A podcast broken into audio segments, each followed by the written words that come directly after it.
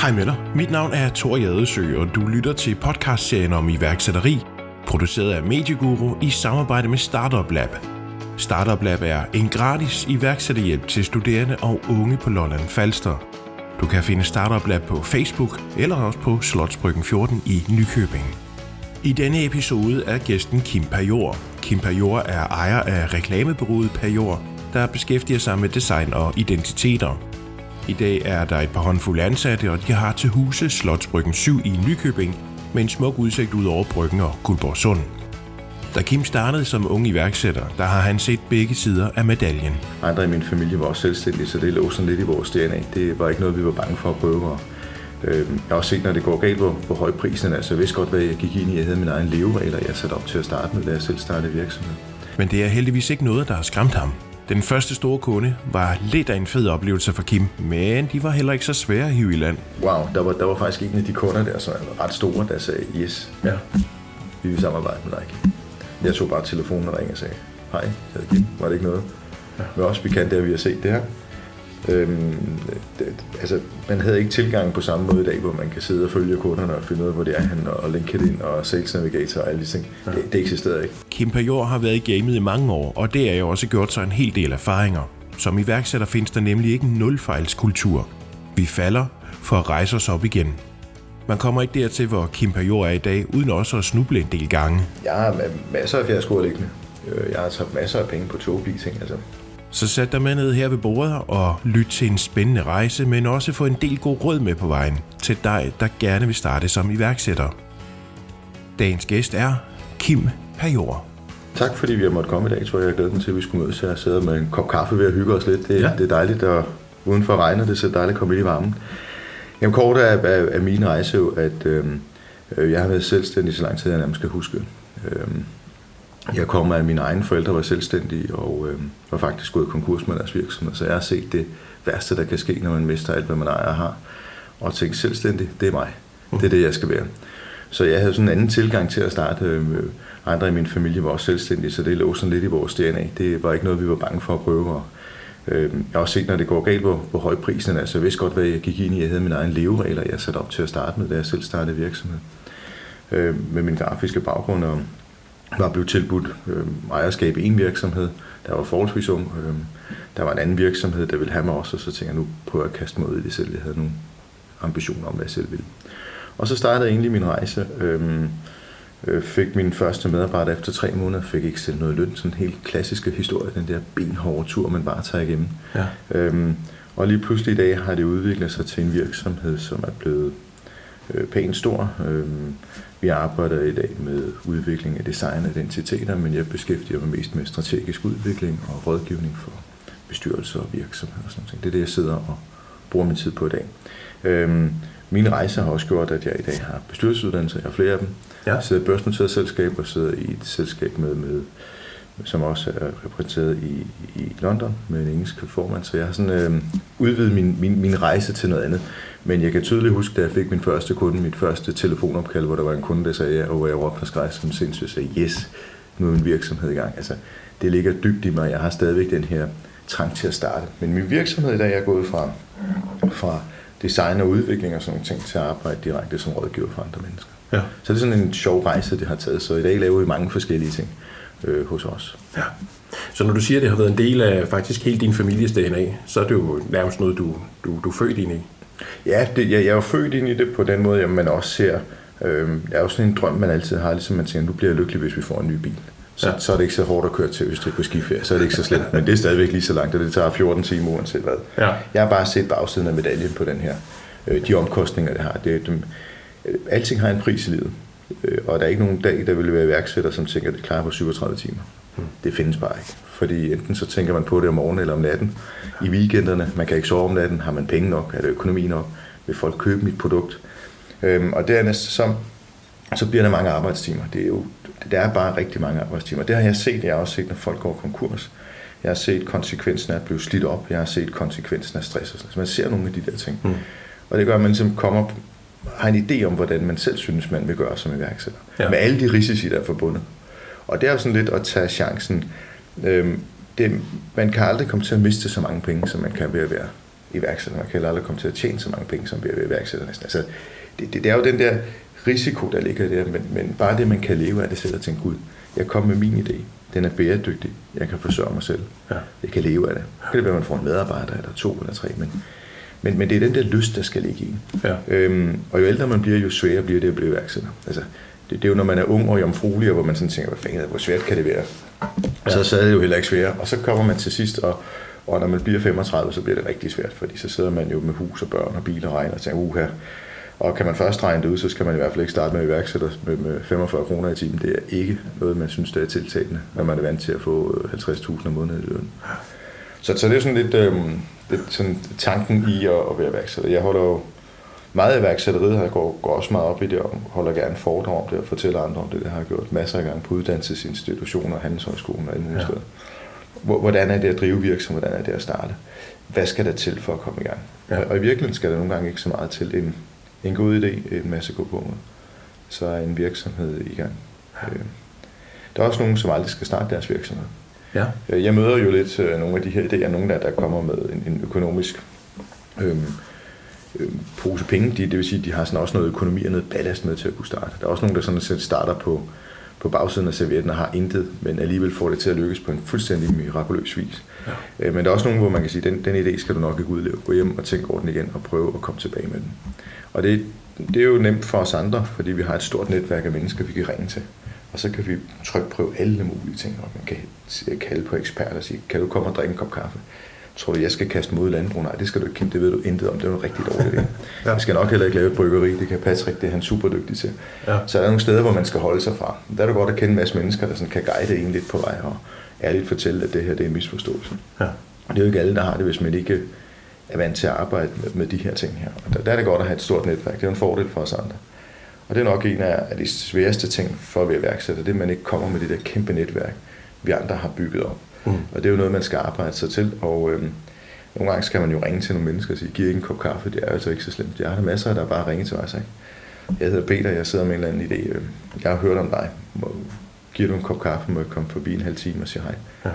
Øhm, og det er man jo som øh, iværksætter, som jeg jo også er, selvom jeg er selvstændig bestyrelsesmedlem og alle mulige andre ting i dag, så er jeg stadigvæk iværksætter. Altså, jeg startede min virksomhed, og det der startup-gen, det ligger altid i mig. Så kom ind og drikke en kop kaffe, og super hyggeligt at høre om, hvad din idé er. Ja. Øhm, og det, det er egentlig en, en måde, hvorpå et, et netværk normalt åbner sig. Sådan, dem, så kender man en og ved noget andet. Det, altså det der, hvor man ikke er så bange for at få nej. Altså, det kan godt være, at jeg siger nej, men man skal altid prøve, og nogle gange siger man ja, og det, der er masser af andre, der kunne måske bruges for andre brancher, man gerne vil vide noget om, øh, eller som har relation, eller man synes, de mennesker er tiltalt, eller har gjort det rigtigt, eller dygtige ledere. Det er det meget, hvad det er. Altså. Ja. Og der, det der med at kaste ud og møde nogle andre mennesker, høre, hvad de siger, trykprøve sine idéer, øh, høre, om man er helt væk fra den, eller om der måske er en mulighed. Det er sundt at gøre. Man skal jo ikke altid bare tage konkurrenterne, men man spørger nogle mennesker, man synes, der, der kan bidrage med noget, og de fleste er meget åbne over for at have en dialog ja. omkring ens idé, for man kan godt selv huske, hvordan det var, da man startede. Og man kiggede rundt øh, som 25 år og tænkte, puh, hvordan kommer jeg i gang med det her projekt her? Kan det lykkes? Øh, er der nogen, der vil tale med mig? Ja. I dag er der nogle andre forudsætninger og muligheder. Internettet har gjort, at verden ser helt anderledes. Jeg startede på et andet tidspunkt. Der kom hverken fremsætning. Nu sidder jeg som sådan en dinosaurus ikke, her og kigger. Men det er klart, jeg, jeg var med på et andet tidspunkt, hvor, hvor der var nogle helt andre dagsordner, der rudede. Ja. Man havde nogle andre teknikker, end dem man har i dag.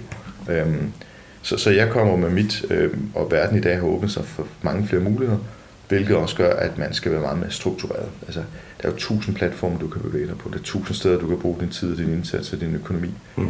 Det med at ramme rigtigt i forhold til målgrupper få nogle med, som måske nogle, nogle sparringspartnere, nogle mennesker, der vil investere i din virksomhed. Sådan, sådan ja. forvent det på, på et tidspunkt. For der er så mange muligheder i dag, at det er næsten begrænsningskunst at holde fokus og strukturere sig. Det bliver svært. De unge er Øh, jeg er vildt fascineret af, hvor meget de kan, og hvor, hvor mange medier de kører på. Og sådan noget. Altså, det, jeg kan bare mærke, at man bliver bare ældre. Ja. Jeg har en kæmpe erfaring af, det er enormt netværk. Men, men, men øh, ej, hvor må det være sket at starte virksomhed og komme med sådan en frisk, øh, jomfruelig mindset og se, nu kaster jeg mod det her, fordi mulighederne er blevet så store i dag, og det kan gå så vildt stærkt. Ja. Så selvom du vi skal lige stemme med. Så selvom du øh, tidligt også har oplevet, at der, der er nogen omkring dig, som måske ikke har haft øh, den, den store succes, eller set, hvordan det i hvert fald har gjort ondt, når, når det er gået galt, så har det ikke skræmt dig for, nej, nej. for at starte dit eget. Nej, altså det, det, det, er jo, det, det er jo en af de ting, som jeg tænker, når, når nogen går konkurs, som sker en gang imellem, så sidder alle som, som er selvstændige og som lever i den her risiko, der nu engang er ved at være selvstændig. Det kan man ikke komme ud af. Det kan gå galt for alle.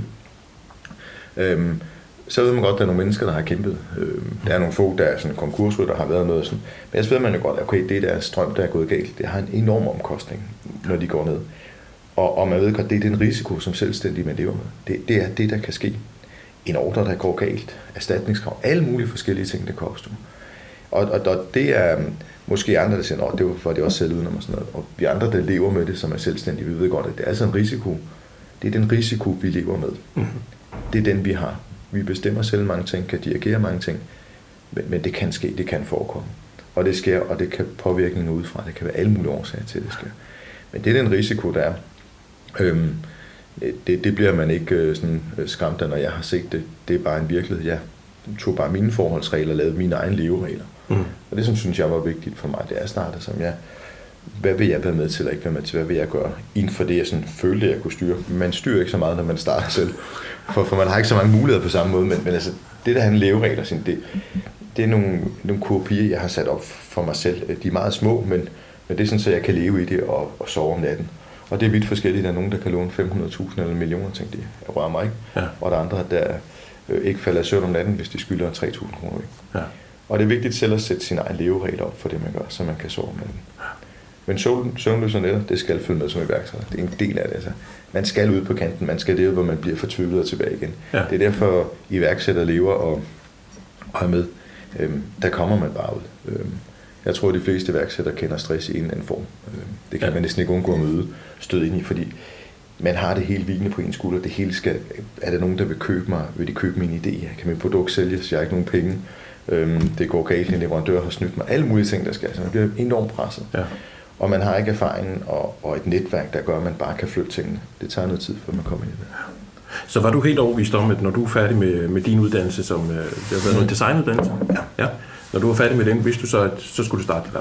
Nej, det, det, det, det, det lå ikke sådan lige øh, i. Det, det, det kom lidt senere efter, at, øh, faktisk ikke så lang tid efter jeg var færdig, at, at jeg arbejdede et sted, øh, og havde nogle kollegaer og sådan noget, hvor, hvor, hvor jeg tænkte, jeg, jeg kunne egentlig godt at prøve selv. Nu, nu kaster jeg mig ud det der. Det kunne jeg godt gøre på en anden måde. Ja. Og så fik jeg noget selvtillid ved, at der var nogle andre, der også gerne ville have mig. Altså, der var nogen, der spurgte efter mig på Fyn og sådan noget. Så tænkte jeg, okay, så helt skæv er jeg jo ikke, siden der er nogen, der gider have mig. Øhm, og så kastede jeg mig egentlig ud der, og, og jeg ansatte en af mine, mine første øh, kollegaer, der blev min første medarbejder efter tre måneder, jeg var selvstændig. Ja. Øhm, der fik jeg ikke noget løn, det gjorde han til gengæld. Øhm, vi er stadigvæk gode venner i dag og ser hinanden. Øhm, men han var sådan den første medarbejder, jeg ansatte. Det er sådan noget, man, man tydeligt husker. Og et, en vild overvejelse. Det var ja. se, det her det er gået så stærkt, jeg kan ikke nå det selv. Ja. Det, det går ikke, for jeg kan ikke både... Jeg er nødt til at køre til København og holde alle de møder for at få kunder. Øh, det gik der meget tid med. Ja. Så kan man simpelthen ikke nå at producere ved siden af. Altså, det, det hænger slet, slet ikke sammen her. Så jeg ansatte min, min første medarbejder, Henrik, efter, efter tre måneder. Ja. Så det er sådan lidt specielt, man sagde, gud, nu har jeg medarbejder. Nu har jeg ansvar, og de forpligtelser, der følger med der. Øh, løn og feriepenge, og der skal også være arbejde nok, så vi alle sammen kan tjene penge. Og ja. Min løn, den var forholdsvis lav. Altså, det var ikke, det var ikke meget, jeg tjente. Nej. Øhm, og, men, men det lykkedes øh, alligevel. Men, men jeg, jeg kaster mig jo bare ud i tingene. Ja. Og, og det er nok, når øh, jeg havde ikke planlagt, at jeg skulle være selvstændig. Det kommer sådan lidt pludselig, gud, hvorfor ikke gøre de ting? Øhm, og så møder man jo også nogle andre på sin vej, som, som var selvstændige foran. Jeg, jeg mødte en, der egentlig var selvstændig. Jeg har kastet sig ud til, hvis, hvis han kaster gav over sig. Så. Ja. Så, så det var sådan lidt, lidt, lidt yngre mennesker, der bare kastede sig ud. Så, så det gjorde vi, så han havde sikkert som var også en vigtig sparringspartner på min rejse, øhm, da jeg startede. Ja. Jeg gik ikke så meget til min egen forældre den rejse, de havde, men jeg har set, hvordan de havde gjort det. Og jeg var også opmærksom på, hvor der var nogle faldgrupper hen. Men, men det, lå ikke sådan, det var ikke sådan noget, at sige, jeg skal være selvstændig. Det kommer sådan mere, bing, så var den der altså. Ja. Øh, når man er 20 år, så er det ikke det første, man tænker på. Det er først sådan lige pludselig siger, gud, nu skal jeg vælge nogen. Vil jeg sidde her og følge med, eller vil jeg gerne og skabe en revolution? Ja. Og der, det, det skulle jeg så ikke.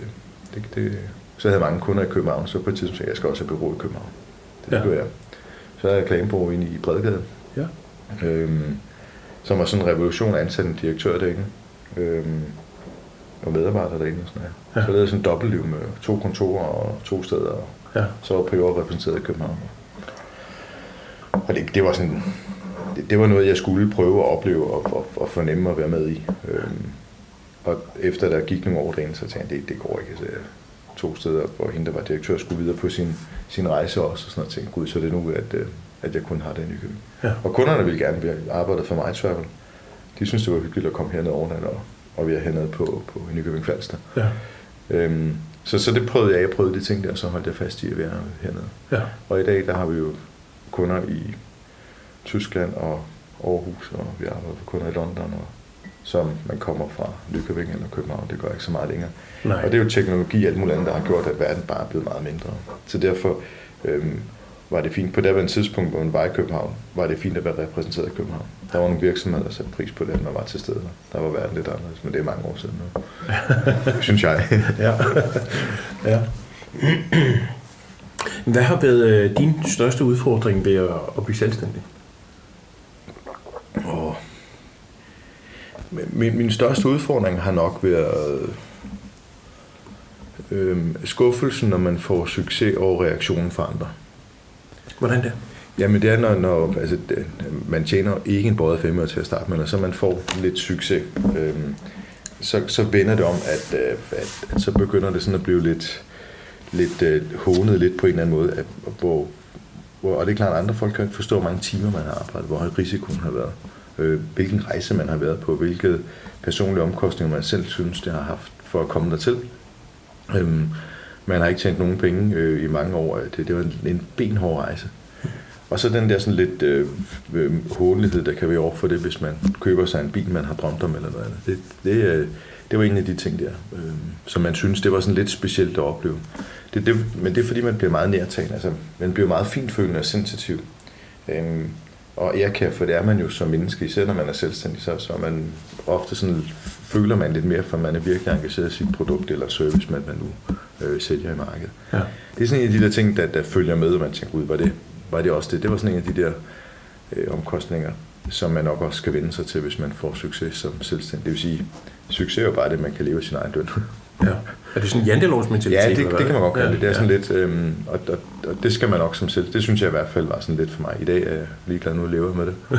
øhm, Øh, jeg er kommet dertil, hvor jeg er, men, men jeg kan huske, det betyder meget for mig, for man synes jo selv, nu har jeg, nu har jeg fået succes, jeg levede, kunne leve af det her. Jeg havde en drøm om, hvad jeg gerne ville, når jeg havde tjent nogle penge, og, ja.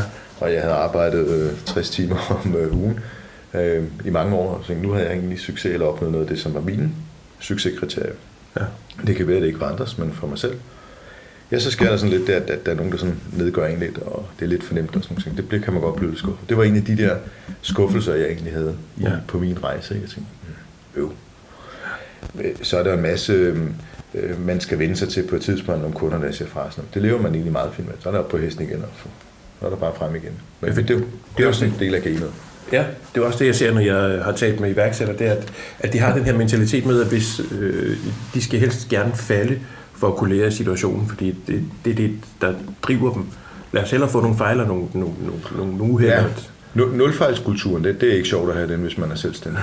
så, så, for man får nogle fiaskoer, man får lavet nogle misser, man, man rammer ved siden af. Øhm, ja. Man snubler, og nogle gange havde man en fantasi om, hvis man gjorde det, og så skete det der. Og så blev konsekvensen noget helt andet marked, reagerer modsat, eller hvad det nu skete. Ja.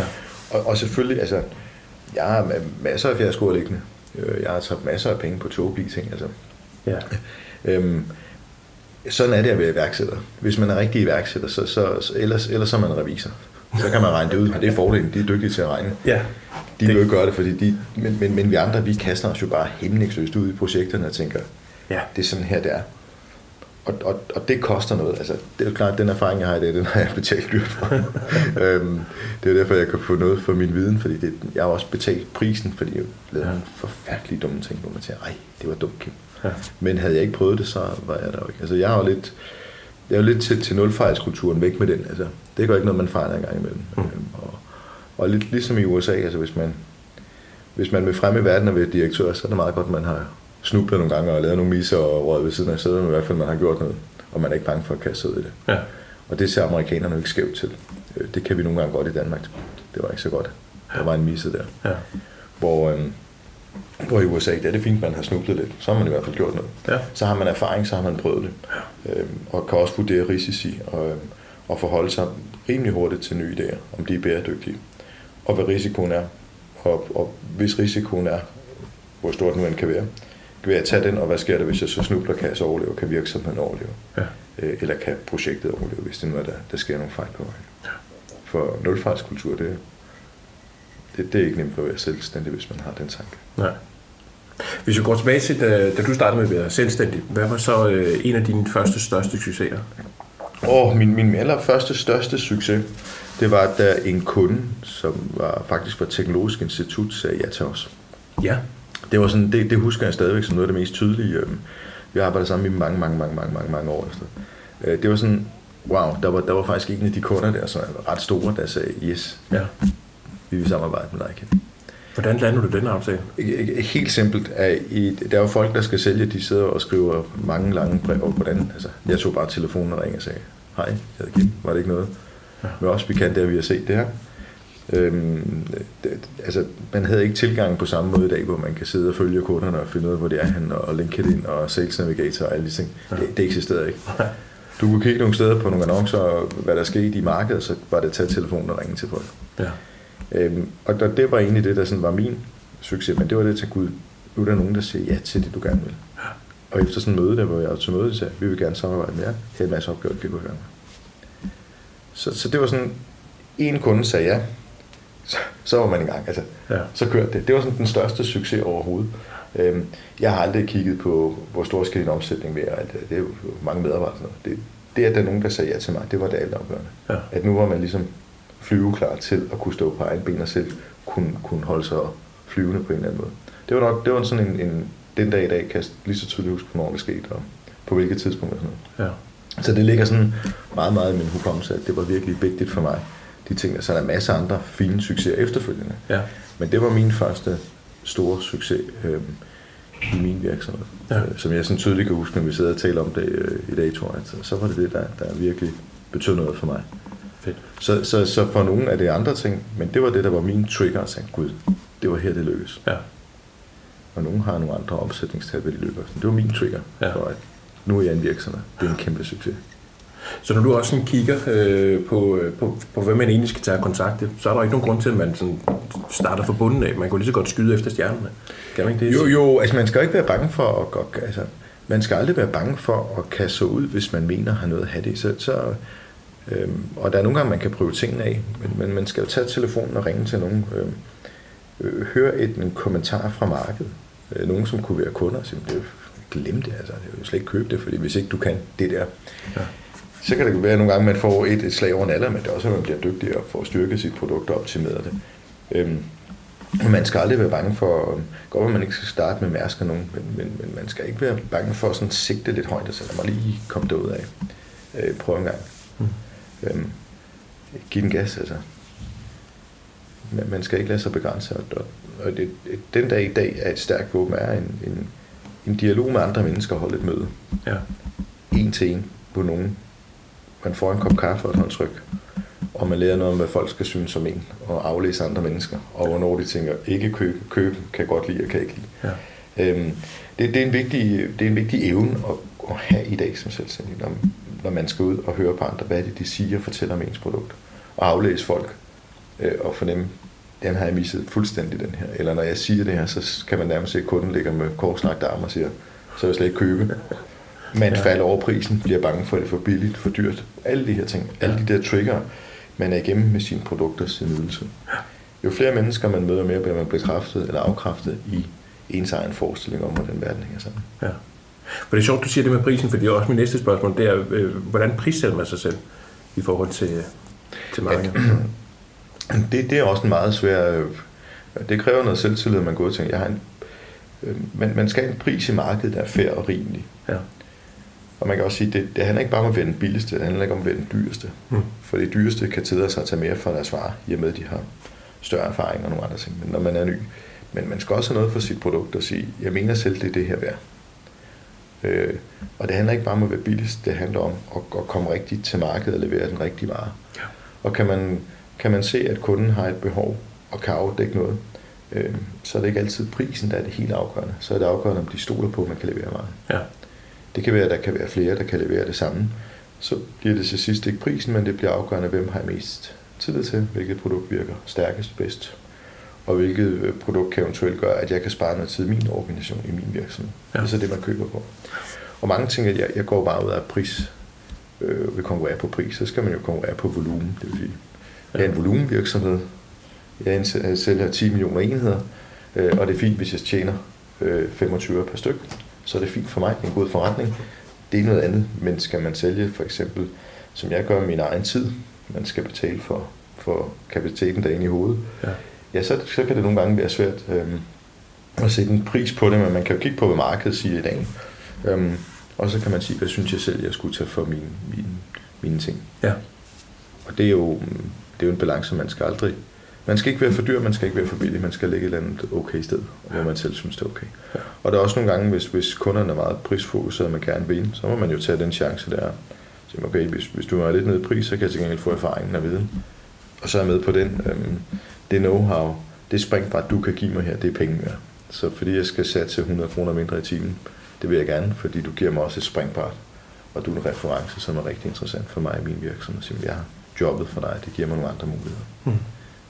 Det kan også være en udviklingsfase, hvis jeg udvikler, jeg kan faktisk tjene nogle penge på den næste kunde, spare nogle udviklingskroner. Så kan man jo sådan beregne sin tid på den måde, så retfærdigt gør det, at man går lidt ned i pris, for eksempel. Det er jo sådan, hvordan ens hjerne selv trigger sig selv som iværksætter. Ja. For, for det er ikke altid prisen, der er afgørende. Øhm, der er også kunder, der bliver bekymret, hvis det er for billigt. Altså, ja vi, har, vi har jo den opfattelse, at, at en bil, der koster 700.000 er bedre end en, der koster 100. Af en eller anden årsag. Ja. Er der noget at have det i? Det kan vi jo så diskutere. Det er der nok. ja. Men det samme er det, når man skal betale mere for en time eller en ydelse. Altså der er, der er prisforskel. Bliver det for billigt? Og det er jo, hvilket mindset man er i som kunde på hvilket tidspunkt. Hvis ja. man skal bruge en boremaskine ned til sommerhuset, der kører to gange om året, så er det den billigste, de har i Silvan skal man bygge et nyt hus, så er det den dyreste, man kan få et eller andet sted, for nu skal den køre 1000 timer, for jeg skal bygge et helt hus med den her. Ja. Så, så man skal også sådan forholde sig til kunderne og nødvendigheden i det og sådan noget. Ja. Men pris er svært. Ja, det er det. Hvis, øh, hvis vi tager øh, Kim, som han står i dag, og kigger tilbage på Kim, da han startede sin, øh, sin første forretning, hvad for, et, øh, hvad for nogle gode råd vil du så gerne give ham? Åh oh, ja. ja, det, det der med, jamen, men det er jo, mit, det, det er jo nok mit gen. Der er nok nogle forretninger, jeg skulle have sagt nej tak til. Ja. Og det vil lidt sige, at øh, man skal holde fokus på det, man er dygtig til, og det, man er god til. Og man skal passe på med at kaste ud forretninger, hvor man kommer ud på et område, hvor det egentlig ikke er ens kompetencer, der ligger der. Men det er også det, der er sjovt og udfordrende, for man vil jo gerne skabe det. Men skulle jeg sige noget til mig selv, da jeg stod der øh, ung og jomfruelig, Øhm, hold dig til det, du er dygtig til. Det, du ved noget om. Hold fast i sådan de spor, du ligger der. Ja. Og lad være med at hoppe for meget over og investere i nogle ting, som ikke er din hjemmebane. Til gengæld synes jeg også, det er mega skægt, at jeg har fået noget kæmpe erfaring. Jeg har tjent penge på nogle ting og mistet på noget af det, men, men jeg ved ikke engang, hvad jeg vil sige til mig, at jeg virkelig skulle gøre det, fordi det er også, det er også givet mig den erfaring, jeg har i dag, jeg sidder med. Og, og havde jeg ikke den, så, så kan det være, at jeg havde fortalt dig nogle andre ting, tror jeg, ja. i det interview, vi har nu. Der vil jeg have sagt nogle helt andre ting. Ja. Øhm, så jeg har sådan prøvet det hele, og min nedtur, der var med, øhm, har jo givet mig erfaring og styrke til at, at være dygtig til at skabe nogle optur, for at sådan kunne undgå det. Men det koster nogle penge.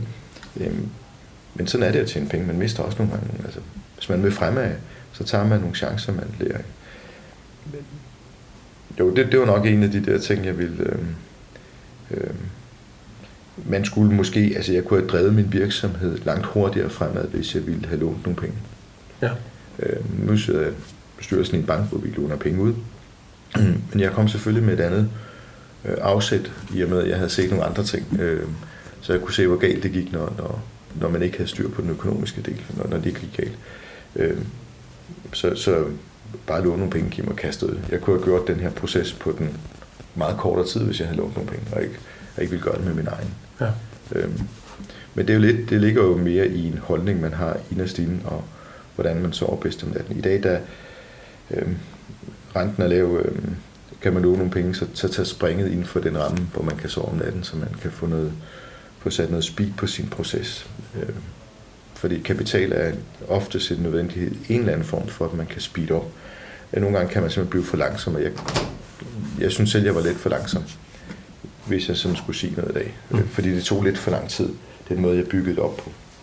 Men det lykkedes jo fint, men det var sådan lidt, hvis jeg skulle sige noget til mig selv, så skulle jeg nok have lånt nogle penge. Ja. at tage den der vækstmotor til os og, og drive den hurtigere, end det jeg egentlig gjorde. Det Ja. tog lidt flere år. Det tog måske to år mere, end, end, end jeg kunne have gjort det på. Men sådan er det. Hvad er vi har i dag alligevel? Ja. Jeg har også sådan nogle øh, hvad hedder det, standardspørgsmål, jeg gerne vil stille øh, mine gæster, men Ja. det er for at gå lidt dybere ind. øh, nej, det, det, var lige, det, det tager vi om et øjeblik. Det klipper jeg lige til. Hvad, øh, hvad, hvad er den vigtigste egenskab som iværksætter? troen på sig selv og viljen til at ville. Den, den vigtigste egenskab er, en ting er idé og produkt. Mm. Dem ser man mange. Men det allervigtigste, det er faktisk at have det der drive der. Man skal jo kunne begejstre andre mennesker. Øhm, og troen på ting, det, det, det, er, øhm, det er i hvert fald det, jeg ser med de mange iværksættere, jeg har mødt på min vej, de mange foredrag, jeg har holdt, øhm, de mennesker, der kommer forbi, jeg ser troen på det, altså viljen til det. Jeg har mødt øhm, nogle, jeg mødte to, der havde troen på et projekt, hvor jeg tænkte, den måde, I vil arbejde på, det lyder helt vanvittigt det her. Og de troede så meget på det. Det lykkedes for dem. De arbejder på den måde, de ønskede sig. Jeg var lidt tænkt, det der, det går jo slet ikke. Men de havde troen på det, og den, den er vigtig. Altså troen og viljen til at komme frem, så kan det godt være, at det ikke er verdens bedste produkt. Men, men det er det altafgørende, synes jeg, sådan for en iværksætter. Den der begejstring og troen på det, energien i det.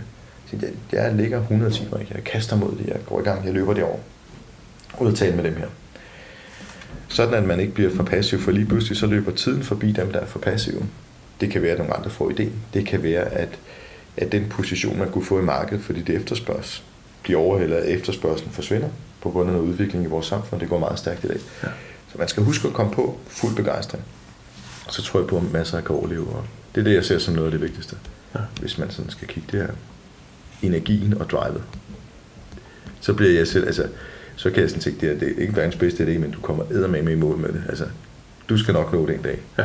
Og rigtig nok, så går der fire år, ikke? så har virksomheden, lever den i bedste velgående, har udviklet sig, og nye samarbejdspartnere, og involveret sig en masse projekter. Ja. Så hvis man sidder derude på den anden side af højtalen nu og tænker, jeg kunne godt tænke mig at starte min egen virksomhed, hvad vil du så råde dem til at gøre? Ja, altså en, en god ting, det er at få, få, få screenet det marked, man vil ind i og sådan nogle ting. Der er sådan nogle helt banale ting, det, der skal på plads, og den, dem kan man jo, man selv er for dygtig til det her, hvor vi sidder og, og laver det interview i dag, og få, få, få noget rådgivning derfra. Det vil sige, at man får sådan en basis på plads omkring sin forretningsmodel, og der bliver kigget på sådan nogle grundlæggende ting, som er rigtig sunde. Øhm, det er sådan en god indflyvning til, at, at nu skal jeg i gang med at, at være selvstændig. Og så, og så er det virkelig troen på det, man selv har gang i.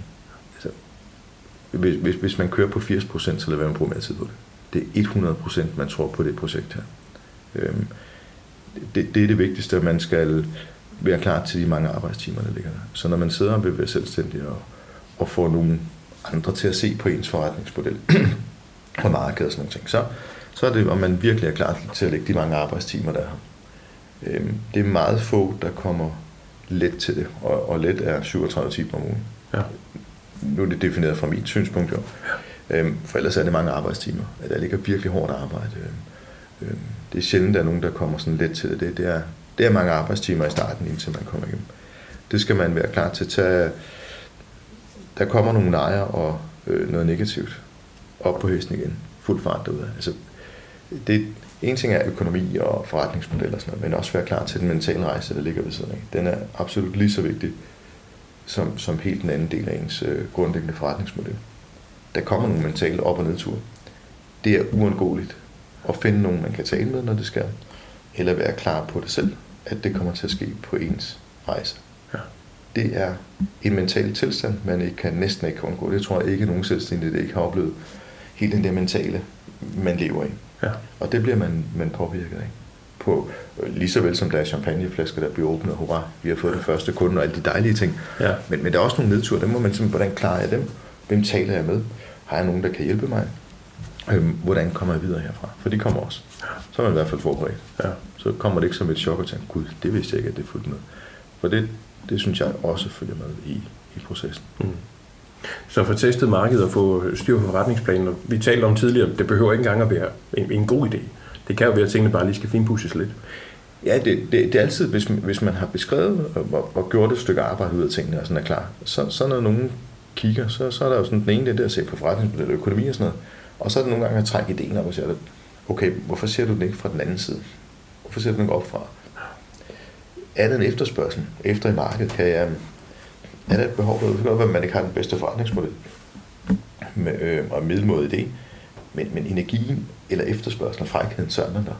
Altså, og man kan også arbejde så lang tid på sin idé, at, at den ligesom uddør, og energien i den forsvinder. Ja.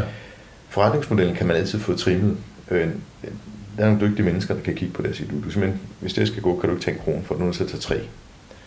Hvis du gør det nu, så gør sådan. Altså, der er nogen, der ved noget, alt efter hvilke branchen og marked man vil øhm, og, og så er det sådan grundlæggende om man, den måde, man går til markedet på, og den idé, man har, og den øhm, frækhed, den åbning, man ser i markedet. Og nogle gange skal man også sidde med en idé og tænke, jeg har idéen, men jeg synes ikke, markedet er klar. Og lige pludselig, så kommer det. Vi kan jo bare kigge på hele den satsning ind på klimaområdet. Ja. Hvis vi tager klima for 10 år siden, så var det ganske uinteressant, at du kunne lave alle mulige smarte ting ud på havet og energi, og der var noget Vestas, som var fint. Og, og, og der kan man se, hvor hurtigt det har flyttet sig. Hele det marked har ændret sig fuldstændig til, at man i dag investerer direkte på aktiemarkedet i virksomheder og fonde, hvor man kun arbejder med klima. Så dagsordenen har ændret sig fuldstændig over en meget, meget kort periode. Og det tog et stort skifte for en, en 5-6 år siden. Vi arbejder med verdensmål i dag, som er blevet sådan standard obligatorisk i en virksomhed med mere end 10 ansatte. Altså, det er bare gået så stærkt, og lige pludselig har man noget inden for klima, ja, så kom det. Det samme med økologi. Der, man grinte det, de økologiske landmænd til at starte med, der, der løb rundt med de her ting. Ja. Det er blevet en helt anden dagligdag i dag. Næsten alle landmænd har økologi i over sig. Altså, det har bare ændret sig på kort tid, og ja, så kan man jo spille sig selv på banen Det var så min mulighed at komme nu, fordi tiden gjorde, at det modnede sig. Og der er jo nogle gange at lægge det lidt til side, så jeg venter kun på markedsåbning, den dag flere taler klima, hvis man kigger 10 år tilbage, eller økologi, ja. så kommer jeg på banen her. Nu, nu passer jeg ind i markedet. Øh, nogle gange kan man jo også være foran sin egen tid. Der er masser af virksomheder, der har været foran deres egen tid. Ja. Øhm, øh, og det dør de jo også på. Det dør man også på. Det er dyrt at være den første, ja. øh, og man dør også, hvis man er den sidste. Så der må komme timing. Er, timing er også vigtigt at komme i markedet på det rigtige tidspunkt. Ja. Har, har kæmpe betydning. Og det er også der, når man skal gå ind og disrupte et marked, og tænke, hvad skal man gøre på hvilket tidspunkt skal man gøre det? Ja. Vi har jo en, en, en fyr hernede fra, der, der tænkte, det skal være gratis at ringe telefon i hele verden, og så var der nogen, der tænkte, det bliver, bliver ikke muligt. Og lige pludselig så var der noget, der hed Skype, og ja. lige pludselig så var det normalt, at, øh, og så tak for det, derfor vi i dag har billige mobilpriser på vores telefoner, kan tale i hele verden. Ja. ja, det har ændret sig, men, men, men det var jo en tilgang til et marked med et behov, der var kæmpestort, hvor vi talte via vores computer. Helt genialt. Øhm, timingen var rigtig, kom på det rigtige tidspunkt. Ja. Og, og disrupted et marked, der havde øh, mulighederne for det på det rigtige tidspunkt. Og der, hvor mange troede på det den dag, at man så det første, han sagde, det er fuldstændig vanvittig idé. Det blev mange milliarder ved, at, den, at, at Skype blev udviklet, og så er udviklet mange andre ting. Ja. Øhm, så, så timingen er også den, den vigtige del af det. Ja. Fedt. Så springer jeg til de her tre spørgsmål, jeg har her til sidst. Ja. Øh, det første, det er, er der nogen som helst grund til at stoppe om morgenen?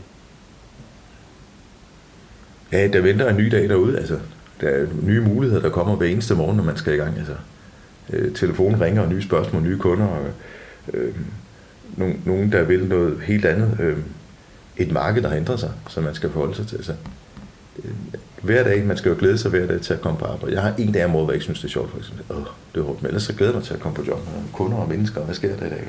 Ja. En, dagen er slet ikke ens. Altså det, det regner dag, den er super dag.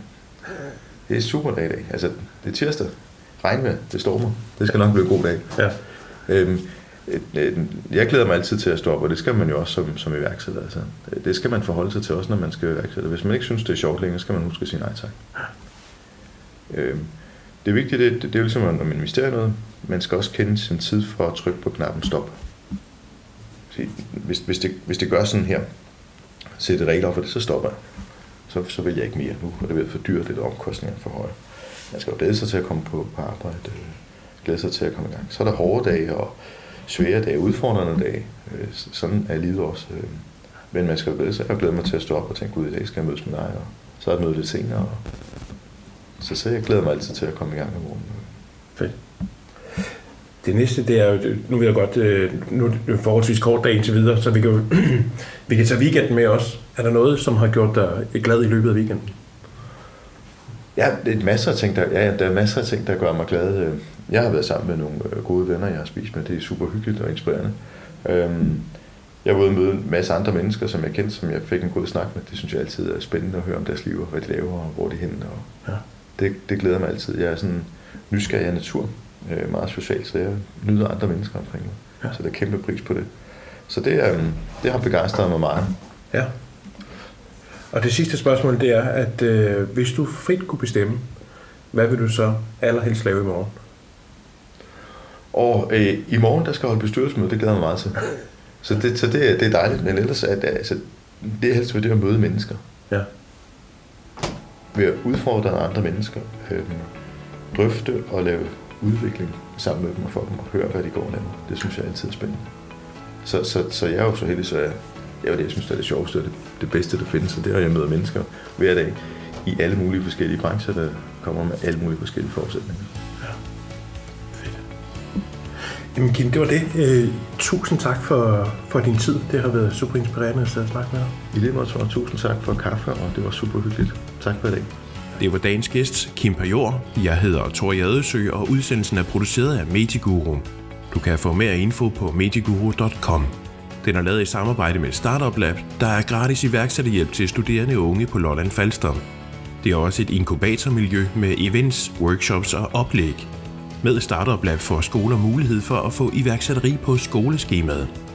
Startup Lab har hovedsæde på Slotsbryggen 14 i Nykøbing Falster, og du kan finde mere info på facebook.com-startup.lab.blf. Giv os gerne 5 stjerner der, hvor du lytter til podcast, eller del den her episode med en, der gerne vil starte egen virksomhed. Tak fordi du lyttede med. Hej med dig.